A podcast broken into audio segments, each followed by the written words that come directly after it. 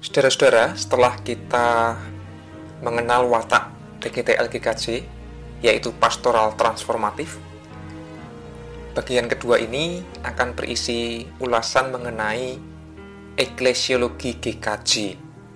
Eklesiologi itu kira-kira berarti paham tentang gereja. Dengan bahasa lain, eklesiologi itu ingin menggali sebenarnya apa sih gereja. Gereja ini janjane opo to? Atau gereja ini janjane sopo? Nah, dalam Mukadimah TGTL edisi 2015 terungkap beberapa makna tentang gereja yang perlu kita hayati bersama-sama. Yang pertama, gereja adalah komunitas pembelajar atau komunitas para murid Yesus. Nah, tentu saja maknanya sudah jelas. Gereja adalah komunitas pembelajar. Itu berarti kita semua di gereja itu adalah orang-orang yang sedang sama-sama belajar, sinau bareng. Mengapa? Karena kita adalah sama-sama murid Yesus. Karena kita adalah komunitas pembelajar, maka gereja sebaiknya memang menjadi tempat bagaimana kita saling belajar dan saling mengajar. Sehingga wawasan, pengalaman, pengetahuan bisa saling memperkaya. Sekali lagi, dengan semangat pastoral transformatif, hubungannya itu setara maka setiap umat pun punya hak, punya panggilan untuk mengajar sesamanya. Gambarannya, kita ini adalah komunitas para murid Yesus yang sama-sama belajar bagaimana kehendak Allah melalui Gusti Yesus. Jadi kalau ditanya gereja itu apa sih? Ya gereja itu janjane komunitas pembelajar, komunitas para murid Yesus. Nah itu yang pertama. Yang kedua, gereja adalah keluarga Allah. Berarti gambaran yang dipakai adalah keluarga. Berarti relasi dalam gereja itu bukan relasi yang sifatnya semata-mata lembaga atau organisatoris, formal, melainkan kekeluargaan. Relasinya adalah relasi cinta kasih. Hubungan yang terjadi adalah hubungan yang hangat, yang akrab. Ya selayaknya keluarga yang ideal maka janjane pasamuan meniko berayatipun Gusti Allah. Kita semua ini adalah anggota keluarga Allah. Nah, itu yang kedua. Yang ketiga, gereja adalah paguyuban umat beriman. Lagi-lagi ada kata paguyuban yang menunjukkan relasi yang setara, relasi yang guyup, relasi yang harmonis. Maka yang paling penting dalam gereja pertama-tama bukanlah struktur organisasi, melainkan bagaimana komunitasnya itu guyup, akrab, saling menghidupkan. Bukan paguyuban biasa, melainkan paguyuban umat beriman. Jadi dasar guyupnya itu tetaplah nilai-nilai iman kepada Kristus. Nah, kiranya hal ini juga terus kita hidupi sebagai gereja. Yang keempat, yang barangkali ini agak mengejutkan kita, di dalam mukadimah TGTL disebutkan bahwa gereja adalah arak-arakan pesiarahan dalam kebersamaan dengan umat beriman yang lain. Sekali lagi, gereja adalah arak-arakan pesiarahan dalam kebersamaan dengan umat beriman lain. Dengan kata lain, GKJ menghayati dirinya sebagai sebuah arak-arakan pesiaran iman yang berjalan bersama-sama dengan umat lain. GKJ bersiarah menuju kepada Allah, umat beragama lain juga berjalan menuju dan mendekat kepada Allah.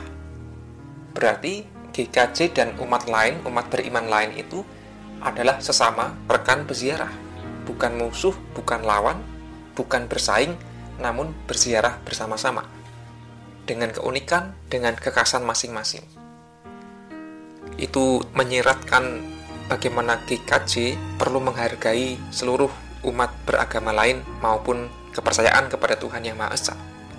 Karena kita ini sama-sama berziarah.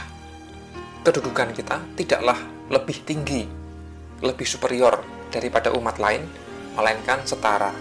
Sama-sama harus saling menghargai. Nah ini hal yang baru yang barangkali perlu perenungan dan pembahasan lebih lanjut di kesempatan yang lain. Yang terakhir, gereja adalah komunitas pembaru atau pembaharu dalam gerakan sesuai nilai-nilai yang dikehendaki Allah. Jadi gereja bukanlah hanya kumpulan orang-orang yang melakukan ritual, ibadah, PA dan sebagainya itu, namun gereja sesungguhnya adalah komunitas pembaharu. Komunitas perkumpulan yang melakukan pembaharuan-pembaharuan atau perubahan-perubahan. Dalam gerakan, gerakan berarti sebuah jaringan, sebuah kultur, sebuah aktivitas yang terus-menerus. Jadi gereja bukan hanya sibuk mengurusi soal-soal administratif, lembagawi, atau persekutuan internal, melainkan bagaimana bekerja sama dengan lembaga lain, dengan komunitas lain, untuk melakukan perubahan demi perubahan. Ingat, di rubrik yang lalu, pastoral transformatif tidak hanya dilakukan oleh gereja saja, namun gereja maupun sesama. Itu berarti gereja melakukan pembaharuan, sesama juga melakukan pembaharuan. Nah, gereja bukanlah harus bersaing atau merasa harus lebih istimewa dari mereka. Enggak. Melainkan bagaimana semangatnya adalah saling berjejaring dan saling mendukung, saling belajar, saling memperkaya. Maka tidak perlu malu dan kecil hati kalau gereja justru bisa belajar dari komunitas-komunitas atau persekutuan lain yang telah melakukan pembaruan demi pembaruan atau kelak bekerja sama. Nah, saudara-saudara, dari kelima makna gereja itu tadi menjadi jelas bahwa warnanya atau karakternya lebih terbuka, lebih guyup, dan lebih punya greget perubahan. Sebenarnya itu tercermin sangat nyata dalam kehidupan Yesus, yang terbuka, yang ramah, yang tidak arogan, yang memiliki semangat mengubah kehidupan sosial menjadi lebih baik. Karena Yesus dan para muridnya sungguh-sungguh memperjuangkan nilai-nilai kehendak Allah. Pemulihan, perdamaian, cinta kasih, pengampunan, pertobatan, itu semua dilakukan. Nah, gereja sebagai komunitas pengikut Kristus mestinya juga meneladani Kristus. Nah, nampaknya itu yang memang ingin dihidupi atau dicapai oleh TGTL ini, bagaimana dokumen ini bisa menjadi alat bagi gereja untuk bisa mewujudkan eklesiologi tadi, atau kelima makna yang masing-masing memiliki karakteristik. Jikalau itu bisa diwujudkan, sungguh luar biasa Nah, di bagian berikutnya, Mukadimah TGTL menyebut atas dasar kesadaran yang demikian, kesadaran tentang tadi, eklesiologi tadi, ada lima dimensi tadi, GKJ merupakan bagian dari keluasan karya kasih penyelamatan Allah kepada seluruh ciptaan. Jadi GKJ itu menghayati dirinya sebagai bagian, bukan satu-satunya, tapi bagian dari keluasan karya Allah yang meliputi seluruh ciptaan yang dijiwai oleh nilai-nilai budaya Jawa, serta warisan tradisi teologis sesuai konteksnya yang tidak bertentangan dengan Alkitab.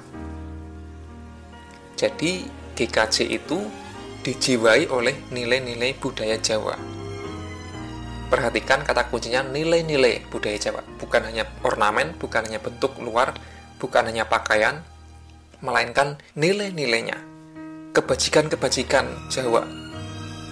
Itu berarti untuk menjadi orang GKJ tidak harus beretnis atau bersuku atau berdarah Jawa, melainkan nilai-nilainya yang perlu dihidupi. Entah kerukunan, entah keharmonisan, entah penerimaan, entah keluasan, keterbukaan, nerimo. Nah itu semua adalah nilai-nilai Jawa. Namun tidak hanya nilai Jawa, tetapi tentu saja nilai tradisi teologi sesuai dengan konteksnya. Nah, dengan demikian saudara-saudara, menjadi semakin nyata bahwa GKJ memiliki konsep pemahaman gereja yang menarik dan ini perlu kita renungkan terus-menerus agar kehidupan kita sungguh-sungguh bisa terus bertumbuh di dalam Kristus sebagai gereja. Mekaten ulasan singkat tentang eklesiologi GKJ menurut TGTL. Semoga memberkaya kita semua. Matur nuwun, Gusti berkahi. Amin.